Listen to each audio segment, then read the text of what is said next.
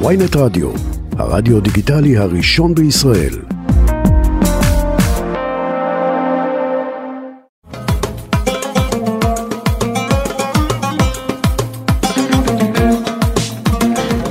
שלום, תודה רבה שהצטרפתם לעוד תוכנית של אספת הורים, תוכנית ההורות של ynet רדיו. אני אגר כוכבי, העורכת היא ליאת מלכה, טכנאי השידור הוא חגי בן עמי. עכשיו תראו, נכון שמדי פעם אנחנו מארחים כאן יוצרים משמעותיים, נכון? אנשי במה, תקשורת, תעשייה ורוח. שהעשייה שלהם נוגעת במשפחה, בהורות, בילדות, אז כזה, ממש כזה בדיוק יש לנו היום. אני כל כך שמחה להציג את מי שיושב כאן אה, לידי, משמאלי, במאי, קולנוע וטלוויזיה ותסריטאי, שבין היתר שותף לכתיבת התסריט של הקיץ של אבי, הסרט ש... איכשהו הולך איתנו, כולנו בחיים, ואחרי לסרטים מרתקים כמו עונת הדובדבנים, כבוד ועוד, וגם לתוכניות טלוויזיה כמו זינזנה ומרחב ירקון. אני סופר שמחה להגיד שלום לחיים בוזגלו. שלום. Uh, לצדך, חיים, שזה גם ככה בקו ישר משמאלי, יושב הבן שלך, איתי בוזגלו, uh, שגם הוא חי ועובד ונושם את התעשייה, uh, אז נגיד גם לך שלום. שלום וברכה. Uh, תתקרב בבקשה איתי, כי אנחנו חייבים uh, לשמוע אותך. Uh, אנחנו רק נגיד שמה uh, ששמענו כאן עכשיו בתחילת התוכנית, אה, לקוח משיר הנושא של הסרט החדש, שער הפרחים, סרט שיוצא לאור בימים אלה, שמו בבל ווארד, הוא נכתב במיוחד לסרט אה, על ידי גוסטו, נכון? גוסטו, כן. מילים ולחן שהוא אחראי עליו. אה, טוב, המון מילים. התחלתי עם המון מילים, אני ממש ממש שמחה שאתם אה, אה, נמצאים כאן, אני גם אגיד שאנחנו בתוכנית מיוחדת לכבוד המימונה. הופה. הופה, נכון? הסיבה הרשמית שכאילו לשמה התכנסנו כאן, כאילו זה סתם תירוץ, כן, אבל זה באמת הסרט החדש שלך, חיים, שער הפרחים, סרט שרובו במרוקאית, מספר על משפחה מרוקאית, גם כמה מבני המשפחה הפרטיים שלך משתתפים בו. אה, ספר לי עליו, ספר לי עליו במילים שלך. זה סרט אה, על, על מהגרים בעצם, ומסתבר אני אספר לך סיפור קטן, אנקדוטה, ודרך זה תביני את הכל. בטח, בסדר גמור. הלכתי, נסעתי פעם לנתניה, פגשתי את רפי אמזלק ששיחק אצלי בזינזנה, ופתאום אני רואה שהאבא שלו, הוא בבוקר הולך לבית כנסת, פיוטים מרוקאים, האימא מכינה לו בצהריים ארוחת אוכל מרוקאית, ואז הוא נכנס לאיזה חדר קטן ורואה טלוויזיה, אבל הוא רואה טלוויזיה במרוקו. Hmm. אז בעצם הוא גר פה, אבל הלב שלו עדיין שם. כן. אז על זה הסרט. וואו, חזק, מרתק. אני אגיד אה, שכשאני ככה ראיתי קטעים מהסרט, ואת הקליפ ואת הטריילר וכל זה, סיפרתי לך, ראיתי ככה, הפריים הראשון שראיתי היה של משפחה, ככה כל מיני דמויות, ואמרתי, כזה אני רוצה. כזה אני רוצה. את החום, את העוצמות, את הביחד, את הבלגן, את הצעקות, את האוכל, אז כזה. אז אני אספר לך שכאילו בפריז, הייתה לנו הקרנה בפריז, והמבקרת, כאילו, שכתבה על הסרט, היא אמרה, הייתי רוצה להיות חלק מהמשפחה הזאת. וואו, כן, זה באמת זה. חיים, אה, איתי הוא הילד הקטן? לא. לא. אז ככה, יש בן גדול, ינון, שהוא הבכור, הוא שנתיים אחריו, ואחר כך בסיבוב שני יש לי עוד ילד בן 16. קראתי ראיון שלך מ-2013 שדיברת על להנציח את הילד הקטן שלי על המסך. אה, לדעתי זו הייתה כתבה, היה רעיון סביב הסרט בית המשאלות. נכון. ולא הבנתי אם אתה מדבר על הילד הפנימי שלך או על הילד הקטן בבית. אולי גם במק... וגם. במקרה הזה, טוב, תמיד, אה, את צודקת שכאילו, אה, כל ניסיון כזה של לעשות סרט באיזשהו מקום, זה, יש בו את כל הרבדים, תמיד. אבל זה, זה שם, בבית המשאלות זה ילד בהשאלה. זה ילד שכאילו, זה, לא יודע אם את מכירה את הסיפור של בית המשאלות, אבל בבית המשאלות שחקנים משחקים. אה, נגיד את יכולה לבוא, אין לך ילדים ואת רוצה להשכיר ילד לשעה, אז את מקבלת ילד לשעה. כן. אז אה, אה, תמורת תשלום. זה, זה, זה, כן, זה גם הפוך הולך? כאילו, אני יכולה להשכיר ילד? את יכולה גם להשכיר בעל. לשכור ילד? את גם יכולה להשכיר ריב אם את רוצה, כן. את יכולה גם להתגרש, להתחתן, כן. מה שאת רוצה. כן. אבל uh, uh, בגדול, כאילו, אז כן, אני מתעסק בזה הרבה, והילדים שלי הם תמיד חלק מהסיפור. כלומר, כשעשיתי את הסרט הראשון בניסויים פיקטיביים, כבר היה הסיפור של הילדים. בעונת הדודבנים, ינון ואיתי, בכל סרט זה כמו איצ'קוק, אז אצלי הילדים הם, הם אני גם רואה אותם גדלים מסרט לסרט, היום אם אני כן. מסתכל על זה אני בן 70, אני פתאום רואה אותם כאילו בכל הגילאים שלהם, לפי כמות הסרטים שעשיתי, ועשיתי 25 סרטים בסדרות. אז... וואו. אז יש כאן איזשהו אלמנט של הנצחה? תמיד. גם כן. שלך בעצמך, וגם של, ה... של הילדים שלך, וגם... אה, בגדול אה, כל סרט בעצם הוא סוג של הנצחה של עצמך, כי באיזשהו מקום תמיד יש איזה אלמנט אמיתי בתוך כל הסיפורים האלה, ואני יכול כן. בכל סרט, אני, אני בכלל, סיפור חיים שלי זה אני, אני מתסרט את סיפור החיים שלי. וואו, בעצם. את הנרטיב. בדיוק. תספר לי על זה, אני חייבת לשמוע. אני אתן לך דוגמה הכי טובה, כאילו האימא שלו, כרמית, שהייתה אה, אשתי הראשונה, אותה לא פגשתי מעולם. ואני עבדתי בשגרירות בפריז, ויום אחד אה, ראיתי, עבדתי בביטחון, וראיתי שם גלויה ממישהי ששולחת למישהי בשגרירות, ושם היה כתוב רק כרמית. וואו. ואז אני החלטתי שאני רוצה את ה... והתחלתי לשלוח לה אה, בהתחלה שבעה זרי פרחים באותו יום. וואו. למישהי שאני לא מכיר בכלל, היא יכלה להיות גם בת 70. וואו. אחר כך שלחתי לה אה, 16 גלויות של מרגרית, שמספרות סיפור, אבל בתבזורת, לפי כל מספרים וכולי וכולי. מדהים. ואז הזמנתי אותה לפריז. כאילו היא קיבלה הזמנה לפריז ממישהו לא ידוע, והיא הגיעה לפריז. וואו. ובלילה הראשון נפגשנו בחושך ולא ראינו אחד את השני, וזה היה לפני המון המון שנים, לפני, אה, איך קוראים לתוכנית הזאת? של... אה, אהבה בחושך, איך קוראים לזה? אה, כן, כן, כן. הריאליטי הזה כן, שעכשיו, לגמרי. אז, אז אנחנו, אנחנו המצאנו את זה. וואו, אני... וראיתי אותה רק למחרת בבוקר והתחתנתי, ואחרי שנה, ואז נולד ינון, ואחר כך. אבל יש משהו בסיפור החיים שהוא גם, אני לא אגיד שלילי, אבל משהו שגם אתה רוצה אולי קצת לברוח ממנו ברגע שאתה מנסה ככה לש... לשכתב את הנרטיב? תמיד, זה תמיד כאילו מעניין השני מישורים האלה, כאילו יש לך את המישור שהוא המישור האמיתי, נגיד במקרה הזה זה היה סיפור בפני עצמו מדהים, אבל כמה שנים אחרי כן עשיתי סרט שקראו לו צלקת. וזה סרט בשחור לבן עם רונית אלקבץ, שהייתה אז הבת זוג שלי, והוא בעצם מספר את אותו סיפור, אבל הפוך. אחד סרט שמאמין באהבה, ואחד סרט שלא מאמין באהבה, כן? וואו. וזה בעצם, אם תסתכלי לעומק, זה בעצם אותו סיפור. אז כן, יש את הפרלל הזה בין ה... עכשיו, אז אה, אני חי את שניהם. כן. כי את שני הסיפורים חוויתי. כן. ואולי פעם האמנתי באהבה ואולי פעם לא האמנתי באהבה. במשפחה אתה מאמין. אני, לא, לא רק זה, כאילו, אז יש את התוצרים של האהבה והם הכי כיפים, כי יש את ינון, איתי, נתנאל. כן. איתי, בוא, בוא נסגיר קצת את אבא. איזה, איזה אבא חיים? אה, כמו שאת שומעת זה אבא צבעוני זה לא משעמם לרגע תמיד יש אה, תמיד יש איזה הרפתקה ככה שתמיד באופק אה, הולכת לקרות. וזהו לי זה מגניב אני מה, מהמקום הקטן שלי גם אני מאוד אוהב קולנוע אה, מעצם מעצם האהבה שלי לסרטים וכאלה וגם למדתי קולנוע ובגלל זה אני גם עובד בתעשייה הקשוחה הזאת פה בארץ שהיא לא כן. תמיד מלקקים בדבש. אה, אז לי זה לי זה מגניב לגמרי לי זה מגניב לגמרי כאילו אני רק ספגתי מזה אה, ספגתי מזה מלא עולמות ומלא עולם פנימי ודמיון ו... כן. ועפתי על זה כאילו כן אין לי פשוט כיף כאילו כן אפרופו אסקפיזם זה שאלה נכונה מאוד כי אני אמרתי שהבסיס ליצירה בכלל זה שעמום ובעצם בכל סרט אתה חי עוד חיים. כי mm-hmm. נגיד במשך שנה, אז הייתי בכלא, שעשיתי את זינזנה. כן. אה, עוד שנה, אז הייתי בסיפור של אבא שלי ב-1947, אז הייתי בכלל במנדט. איזה זכות. ו- כן. עכשיו הם, הם בעקיפין, אני מתעלל בהם, כי כל פעם אני לוקח אותם לסיפור שאני בחרתי להיות בו, ואז כן. הם בעצם פתאום נגיד בלחיות מחדש.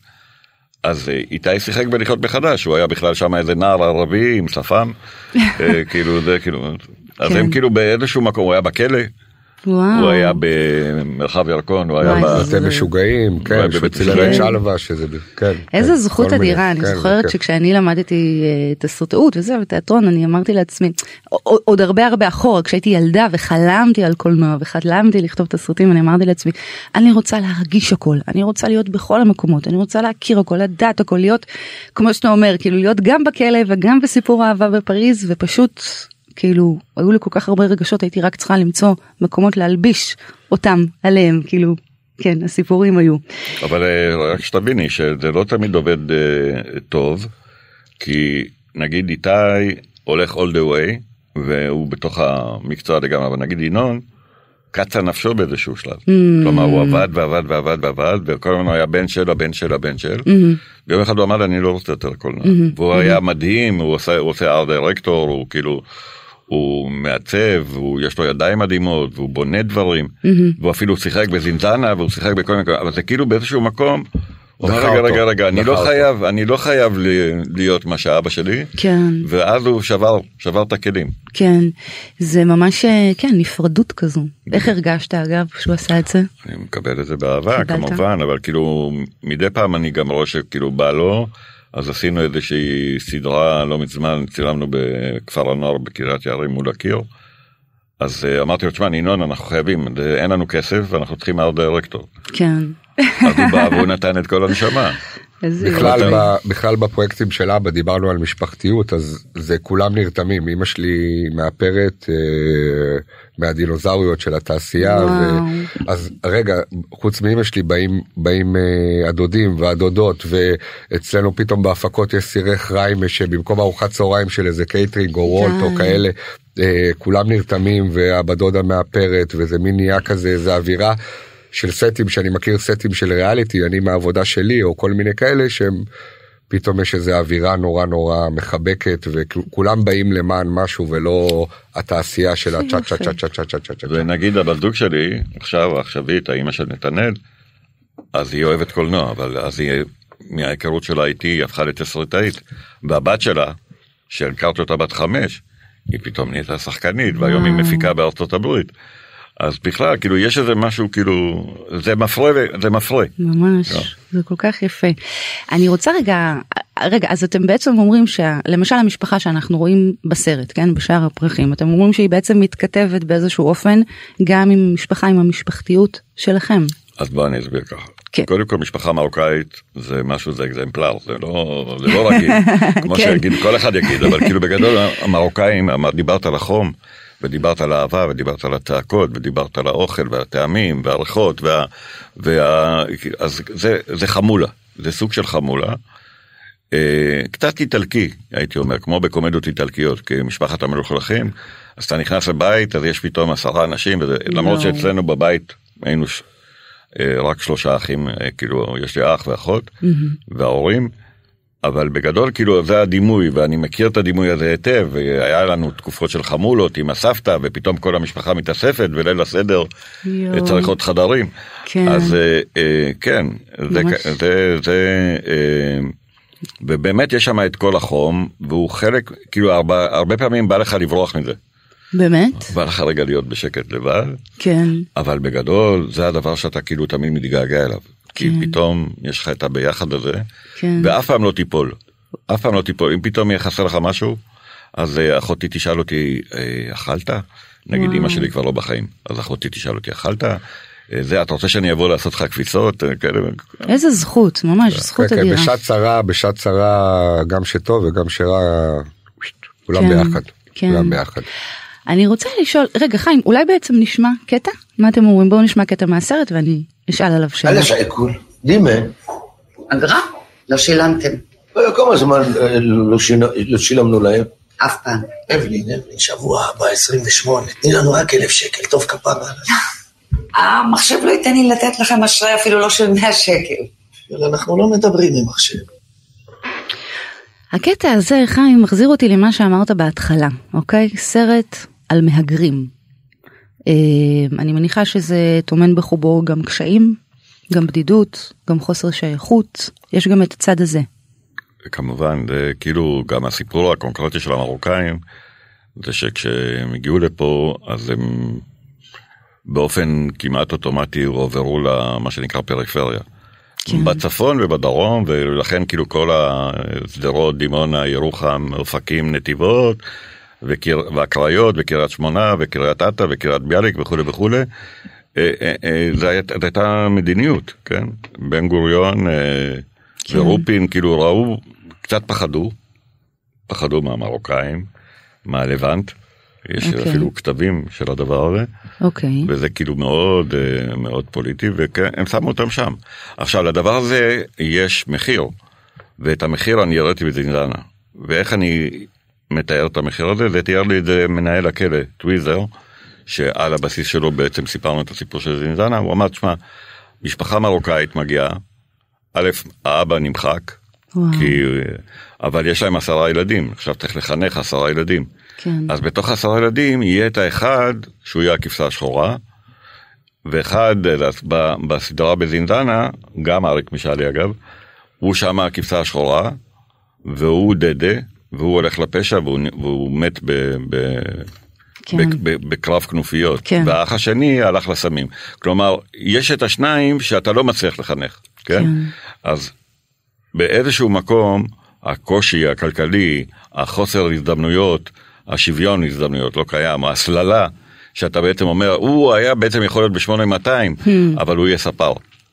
כן. אז זה, כל זה קיים, כל זה קיים. עכשיו, אתה לא אז חושש גם לגעת בזה, זאת אומרת, זה אני מצ- לא, אני, אני אגיד לכם, אנחנו נעשה פה תרגיל הרבה יותר מרתק, כי אני מספר את הסיפור ב-1900, ב-2023, ואני שואל את עצמי, האם ילד בשדרות או בירוחם, יש לו את אותה הזדמנות שיש לילד בתל אביב ובכפר סבא? זה אני רק שואל, כן? כן. עכשיו, זה לא על זה הסרט, אבל זה כאילו גם, אני מסכימה לחלוטין מההיבטים שלי והזוויות ההוריות שלי. אתה גם הרגשת את זה איתי? אה, מה, קיפוח ומרוקו? אה, לא, לא יכול להגיד על עצמי שהרגשתי את זה. קראו לי כל מיני פדיחות כאלה, את יודעת, בשובבות שלי וזה, אה, זה בוזגלו, אם לא הייתי בוזגלו, אז יכול להיות שהשוטר היה קצת יותר אה, זה, כל מיני אה, שובבויות של פעם. כן. לא הרגשתי את זה, אבל אה, אני חושב שזה קיים. אני חושב כן. שזה קיים אה, אה, בפ- בפריפריות, וזה כן. קיים, זה קיים, מרגישים את זה, והשחור רוצה את הלבן, והלבן רוצה את השחור, וזה כן. אין חדש תחת השמש, זה תמיד היה ככה, כן. כאילו, גם אמרו שייקח 99 שנים עד שזה לגמרי ייעלם. 99. 99 שנים, אנחנו רק יכולים לקצר את כן. התהליך. בזה, בסרטים כאלה, וב- כן. ולשים את האצבע, כן. ולקצר את הזמן. כן, אני, זה, זה באמת מרשים כי זה סרט שהוא כביכול על משפחה ויש בו המון המון הומור, גם המון עצב, אבל יש בו גם אמירות נוקבות כאלו, זאת אומרת, יש איז, איזושהי זהירות מלהיכנס לשיח העדתי, ואתם, איך אומרים, כן, נכנסים באימימה שלו. אני אגיד לך גם את, זה, את הסרט כתבתי יחד עם אריק משאלי וגם עם פרופסור סמי שלום שטרית. ומה שיפה כאילו וראינו את זה אתמול בהקרנה כי הייתה בכורה אתמול. אה, שאני מספר את הסיפור של האימא אני מספר את הסיפור של כל האימהות שהיו בא- באולם, כל המרוקאים שהיו באולם, מיד מצאו את הבית שלהם, מצאו את האימא ואת האבא ואת המשפחה, זה כאילו איזה שטנץ כזה, כן. שכולם פתאום מתחבקים, וואו, לקחת אותי חזרה הביתה, כן. ונשים בוכים, כאילו בסרט פתאום בוכים, או צוחקים, או זה, וואו, זה כאילו היינו זבוב על הקיר במשפחה כן. המרוקאית. מה, העורכת התוכנית שלנו, ליאת, היא מגיעה ממשפחה מרוקאית, הם כאילו קהילה שלמה שחולמים מרוקאית, מדברים מרוקאית, רוצים לראות כל הזמן תכנים, כאילו, בשפה הזו, בדיוק כמו שאמרת בהתחלה. יש ממש קהילות שלמות שמחכות לזה, לגמרי. ממש. אגב, יש בסרט אה, גם רוסים, אני גם חושב שגם אצל הרוסים והעיראקים וכל עדה, יש לה את, ה- את הגעגוע לארץ המוצא. כן. גם, ב... הרוסים- גם סליחה שזה, גם ב... הקרנו את הסרט הזה באגדיר במרוקו. והיה יפה לראות שבעצם אה, את האהבה של המרוקאים ליהדות של מרוקו, שבעצם אה, בגלל ההיסטוריה בעצם נלקחו כן. משם, וזה היה ממש ממש יפה לראות את זה כאילו את ה... כמו שאמרת, מאיפה באנו, כן, בדיוק מאיפה, בטח. מאיפה שבאנו. ולהם. זה היה כמו יידיש. המרוקאים, המרוקאים במרוקו, באגדיר, המוסלמים, מתייחסים פתאום, זה שפה שהיא לא, אה, זה דיאלקט. כן. המרוקאית של היהודים זה דיאלקט, זה כמו יידיש. כן. אז הם פתאום שמעו יידיש במרוקו, כי וואו. מבחינתם וואו, זה געגוע ליהודים. מעניין. איפה אתה גדלת, חיים? אני גדלתי בירושלים, כן. בבאקה. מהמם. אה, אני יל- יליד ירושלים. אבא שלי הגיע ב-47 באוניית מעפילים הראשונה ממרוקו ועשיתי על זה סדרה, לחיות מחדש. והאמת שאני לא הייתי מודע לב- לבוזגלויותי עד שהגעתי לתיכון ליד האוניברסיטה. אה, אבא שלי היה חבר הנהלת ירושלים, יש לו רחוב על שמו בירושלים, אשריאל בוזגלו, ואני הגעתי לתיכון ליד האוניברסיטה, עכשיו בית ספר הכי סנובי בירושלים. כל המי ומי ומי ומכתב השמיניסטים וזה, אבל אני לא בכיתה רגילה. שם פתאום הסלילו אותי, אמרו זה טעון טיפוח. וואו. עכשיו, אני טעון טיפוח בכיתה ניסיונית, בתיכון ליד האוניברסיטה, ואח שלי, אורי, הולך לבית חינוך ועושה בגרות רגילה, ופתאום אני נמצא באקווריום. כולם מסתכלים עליי, יש את הכיתות הרגילות, כן. ויש אותה, ואז אני הבנתי שאני בוזגלו, למה? כי כל הכיתה, אה, 80% היו בוזגלואים. וואו. ופתאום שמו את האצבע ואמרו לי, אתה טעון טיפוח. עכשיו, לפי כל מיני פרמטרים, אין קשר, אפילו לפי הפרמטרים שלהם, כן? אה, מבחינת תנאים בבית, אנחנו משפחה קטנה, שלושה, שלוש נפשות, הילדים, אה, היה לנו את ה... למדנו הכל, כאילו, כל הטיעונים הסטטיסטיים לא עבדו עלינו. כן. אבל הם החליטו שאני, בגלל שאני בוזגלו, אני בכיתה הניסיונית, זה טוב לסטטיסטיקות שלהם. כן. ואיך הרגשת עם זה? קשה, אה, האמת חוויה קשה. כאילו, אה, כן, אני אמרתי, ראיינו אותי, מסתבר שכשהייתי בן 18 ראיינו אותי, דוקטור שמואלי נדמה לי, ואמרתי שמה שגנבו לי את הילדות. וואו, זה תחום. כי אח שלי גדל רגיל, ואני הייתי מגיע למסיבות, והייתי כאילו אה, מהכיתה הניסיונית, הייתי יושב עם ה, החברות, הבנות היפות שלנו, הן היו החברות של החבר'ה מהכיתות הרגילות.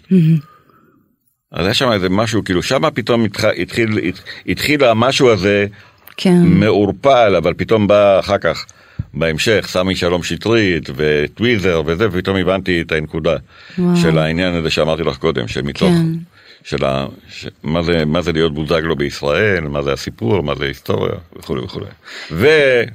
ומבחן בוזגלו, אל תשכחי. מבחן מבחן בוזגלו? כמובן, תספר לנו. מה זה מבחן בוזגלו, את יודעת? ספר לנו. מר אהרון ברק, ידידנו כן, האקטואלי מאוד, כמובן. שדין ידלין כדין בוזגלו. כלומר, אם תופסים מישהו ידלין עושה משהו לא טוב, גונב או משהו כזה, הוא צריך להישפט כאילו שבוזגלו היה נתפס. אז טוב, כן. אז עשיתי סלקציה, בסלקציה של אהרון ברק הוא בחר דווקא את השם שלי, אז על זה יש לי קצת כעס עליו, יכל לבחור משהו יותר כאילו כללי, פלוני, כן. אלמוני, אה, כן, נכון. כהן לוי, XY, כן, נכון. כן, אבל הוא עשה בוזגלו, אז כבר בזה כאילו קצת אה, ירדו המניות שלו, וגם אחר כך פתאום הוא הוסיף את המשפט הזה שלא, לא מזמן, שהוא לא מצא אף מרוקאי בבית המשפט העליון, למרות שאני בצד הנכון של המפה, כן, כן, גם אני יוצא להפגנות וגם אני כן, מסתובב ברחובות. כן. אה, וואו, איזה שיח מרתק. אני, אתה מדבר ואני כולי בירושלים, בכיתה, עם האח, עם המורה. אנחנו אבל נעש- הילדים שלי לא היה להם את זה.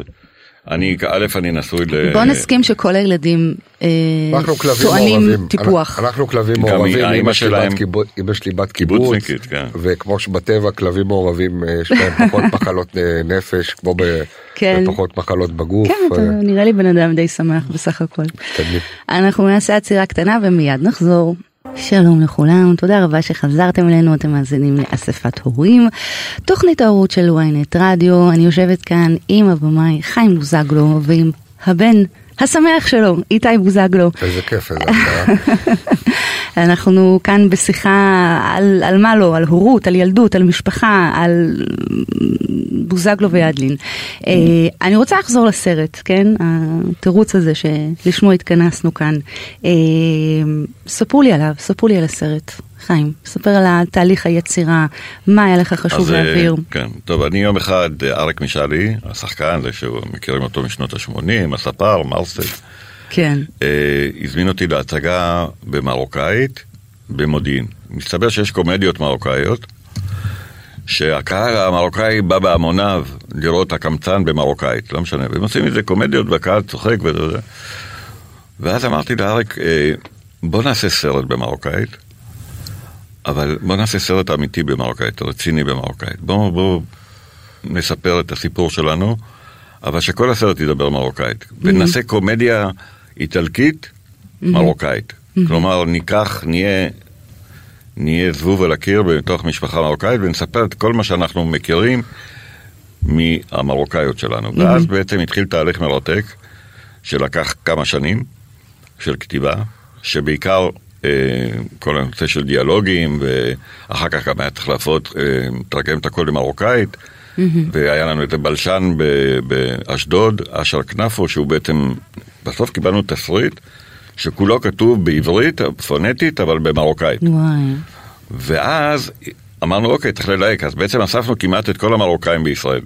זאביק רווח, אלברט אילוז, אה, אה, רמון אמסלם, הילה סעדה, אה, שמות, כן. מפה עד הכנרת, כולם מרוקאים. שאגב, לא כולם דוברי מרוקאית, זהו. נכון? ואז התחיל תהליך נורא מעניין, שאריק הקליט להם, לכל אחד את הטקסטים שלו, וכל שחקן קיבל קלטת עם הטקסטים שלו במרוקאית, והיה בעצם צריך לעבוד על דיקציה. יש כאלה שכאילו, אנט כהן ואלברט אילוז זה מהבית, ואנט בכלל זה סיפור בפני עצמו. איתי כן. למשל, זה, זה, זה קשה, זה לשבור שיניים, וואו. זה קשה. יש לו. מונולוג סיום במרוקאית. וואו. אז הוא ישב ולמד ולמד, והיה לנו קואוצ'רית, שזו הייתה אנט כהן. תגידו לי מילה, למדו אותי מילה אחת. את- הנה את רואה אני כבר שובר כן. שניהם, תנחבקו מחואני זה, תנחבקו מחואני. הנה את רואה אז הוא מתקן, תנחבקו מחואני זה אני אוהב אתכם אחים שלי, די. וכן, תגיד שוב. תנחבקו מחואני, אוקיי. אה, אני אוהב אתכם אחים שלי, חתיכת אתגר. כן, והיה לו כן. מונולוג. הוא עומד על במה והוא נושא מונולוג במרוקאית. כן כן, מה הרגשת שראית ככה את איתי עומד ומדבר במרוקאית? קודם כל בכלל, נגיד, גם אפילו הפגישה באבדו בינינו היא, היא סופר מעניינת בשבילי, כי אף פעם לא דיברנו על זה.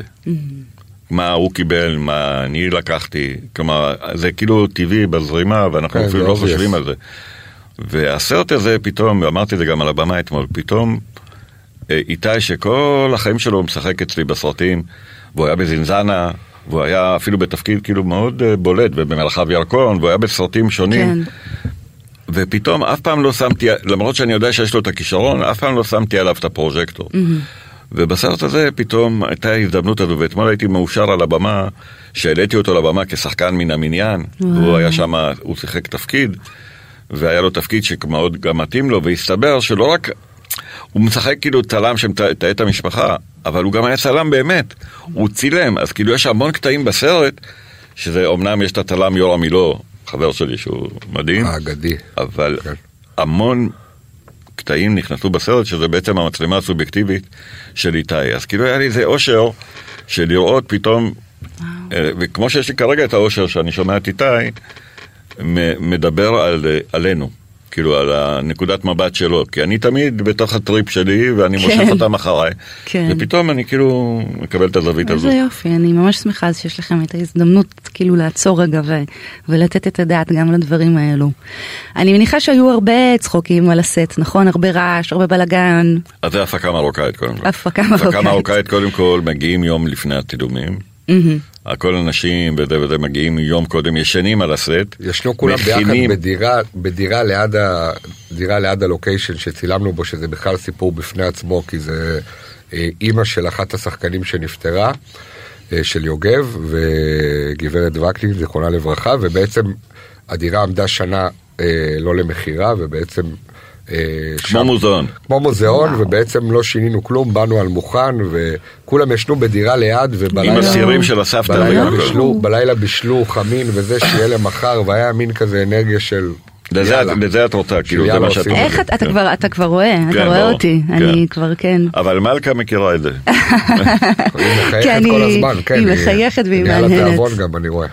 אז זה הפקה, עכשיו, כאילו, הבדיחות וזה, כאילו, היה טקסטים כתובים, אבל פתאום היום בדרך לפה דיברנו על זה, שכאילו, האימא פתאום הביאה משפטים שאתה שומע ואתה אומר, וואו, זה המשפט של אימא שלי, וזה המשפט של. סבתא שלי, וזה משפטים קוראים, כן? איזה מרגש. אה, מה זה היה עם האוכל? שהיא שכחה, שכחה למזוג לאחד הילדים שלה את המרק חירה, אז, אז, אז הוא אמר לה, אמא, שכחת אותי, לא מזגת לי את האוכל, אז היא אומרת, לי, אז היא אומרת לו ש, המוות. ש, ש, שהמוות, שהמוות ישכח אותך. כאילו, זה מין כזה פתאום... כן, אתה- יוצא כזה. כן. כן, ה- יא. אני מתגעגעת לסבתא שלי. טוב, אה, אני רציתי לשאול אתכם גם, הסרט מדבר נכון על עיר פריפריה, עיר, עיר פריפריאלית אין עיר דמיונית. כזאתי שקוראים לה באבל ווארד. כן. מה, מה יש בה בכל זאת, אם ננסה ככה להבין, לדמיין? קודם כל דמיינו את העיר הזו קודם כל שהיא היא כולה מרוקאים. זה משהו דמיוני לגמרי למרות שיש בסרט שני רוסים ולא סתם רוסים. השחקן הנדיר סשה דמידוב שהוא תיאטרון גשר כן. שהוא הרוקח והבת שלו היא בת זוג של אחת מבנות המשפחה, מבני המשפחה המרוקאית, ומרוב שזה שהיא נמצאת איתם, אז היא כבר מדברת מרוקאית. כן. רוסייה שמדברת מרוקאית, שזה כבר בפני עצמו מצחיק. כן, לגמרי. ו... אה, אז זהו, אז זה כאילו, כל ה... זה nowhere כדי שבעצם זה יהיה כל הערים. זה גם קריית שמונה וזה גם אופקים וזה גם שדרות, שצילמנו בשדרות וצילמנו באשקלון וצילמנו במצפה רמון, אבל כאילו רצינו שזה יהיה לא מזוהה. אפילו כן. בשעות פתיחה לקחנו את מצפה רמון והורדנו את הסילו. בעריכה הורדנו את הסילו כדי שאף אחד לא יזהה שזה מצפה רמון. אז זה באמת אה, איזושהי עיר כזו עיר, רחוקה כן. ודמיונית. וואו, מדהים. איתי, מה אתה ככה זוכר מה, מהסט? יש לך איזשהו זיכרון? וואי, איזשהו... מלא, מלא, ברור. אה, מה אני זוכר? אני זוכר שזה היה ממש, עוד פעם, בגלל שאני עובד בהרבה הפקות שהן לא של אבא, ואז יש את ההפקות של אבא, אז זה בשבילי כמו...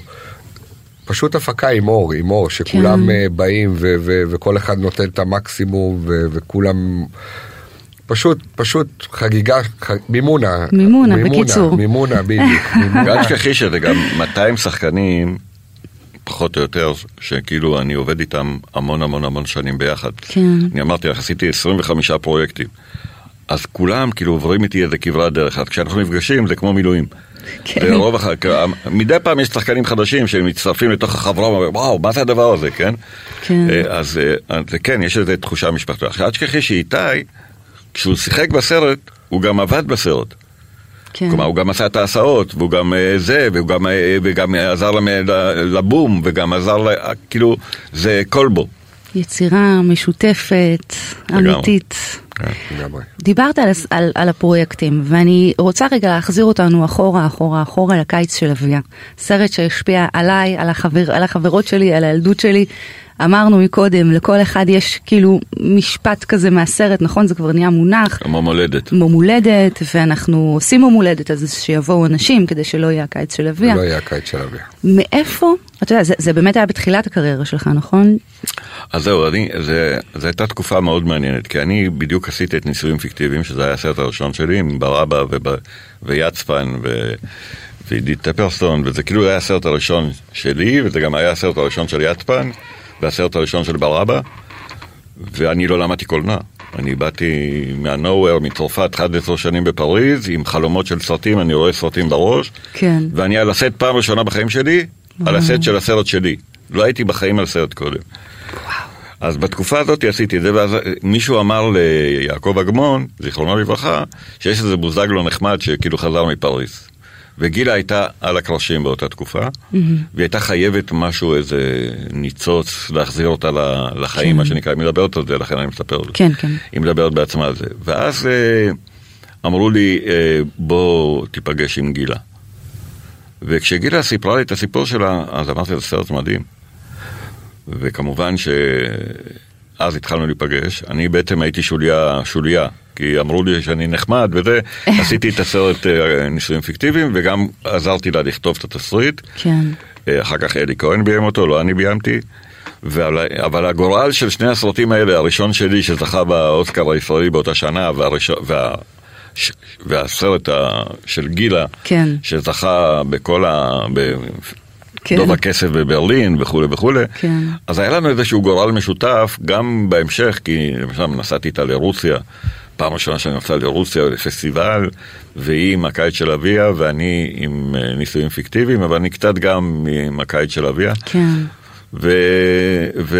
איזה סרט, איזה סרט, איזה סיפור, מה, מה אין בו? תראי, כאילו, הסיפור של גילה הוא כזה נוגע ללב, ממש. והוא כזה מרגש. אני רק מאחל לי שהסיפורים שלנו, שהם גם מרגשים, של המרוקאים, ושיגיעו, יגיעו לתודעה של אנשים כמו כן. שהסיפורים האלה הגיעו. כלומר, שאת הקיץ של אביה מלמדים בבתי ספר. כן. החלום שלי, שאת לחיות מחדש ושאת באבל ווארד גם ילמדו בבית ספר, כי זה חלק מהתרבות כן. שלנו שלא מסופרת, שלא סופרה. לא סופרה מספיק, מסופרת, למרות כן. שכן היו עכשיו אה, שבעה והסרטים של רונית, שבאמת כן מביאים עוד פן של המרוקאיות. כן. אני נפעמת. תראו, הזמן שלנו הולך ומתקצר, עבר ממש ממש מהר, הרבה יותר מהר ממה שרציתי, אז אנחנו נעשה פינה קטנה ונמשיך. מאלף ועד תף, לקסיקון האורות הגדול. מי ראשון? מי ראשון? איתי. איתי, משהו ממש כזה קטן וחמוד ולא מאיים, אבל אני סופרת בלב את האלף-בית, אני מונה את האותיות, א', ב', ג', ד'. תגיד לי סטופ ונמשיך משם. א', איתי אה, בוזגלו יקר. להגיד לך סטופ. כן, תגיד לי אה, סטופ. אוקיי, אבל יאללה, אני מתחילה עוד פעם. א', סטופ, י', י', י'. איתי, איזו מילה עולה בך בראש, או בלב, או בנפש? ינון אח שלי, זה זה החבר הכי טוב שלי. די. זה ישר בא לי מה לא מודע. כאילו. די. כן. וגם עידון מחובר ל- ליוד, ל- כן, הוא כן. כבר בחזרה לתשובה קצת. וזה- אז ישר הכל- על אוטומט. הכל משפחה, ינון. מתקשר כן. ומתחבר. אני מת עליו. מתח- איזה כיף, איזה כן. כיף לו, איזה כיף לך, כיף לכם. חיים, אתה לא תתחמק, אני סופרת גם לך, וגם אתה תגיד לי סטופ, בסדר? א', תף, תף, סוף, סוף. סוף, סוף. It's a אה, wrap. כן, אז אני כאילו תמיד אומר, אני תמיד אומר אה, שאם הייתי מת הרגע, כן, הייתי בן אדם מאושר כי עשיתי מה שאני אוהב בחיים. כלומר, אני משאיר אחריי שלושה ילדים ועוד חצי ילדה של ליזה שהיא בארצות הברית, ו-25 ילדים נוספים שזה הסרטים שלי. אז אני בן אדם מאושר. כלומר, אם... מצד שני, אם אני לא אמשיך לחלום על עוד סרט, אז אני גם אמות. וואו. אז אני מאחלת לך לחיות, אמן, אמן. גם בסרטים וגם מחוץ לסרטים, ובאמת להמשיך להעשיר לנו את הלב ואת המסך ואת התרבות ואת המשפחתיות עם כל העשייה המדהימה שלך ושלכם. תודה. ואני רוצה ממש להודות לכם שהגעתם לשיחה המרתקת הזו. תודה רבה לאיתי בוזגלו, תודה רבה לחיים בוזגלו. תודה רבה. תודה לך. כוכבי. כוכבי. כן. תודה רבה לעורכת התוכנית ליאת מלכה, תודה רבה לטכנאי השידור חגי בן עמי. תודה לכם, מאזינים יקרים, ותודה על כל מה שאתם שולחים וכותבים לנו, תמשיכו לעשות את זה, תכתבו בבקשה להגר אה, מקף k שטרודל ynet.co.il, ושיהיה לכולנו חג מימונה שמח, ביי.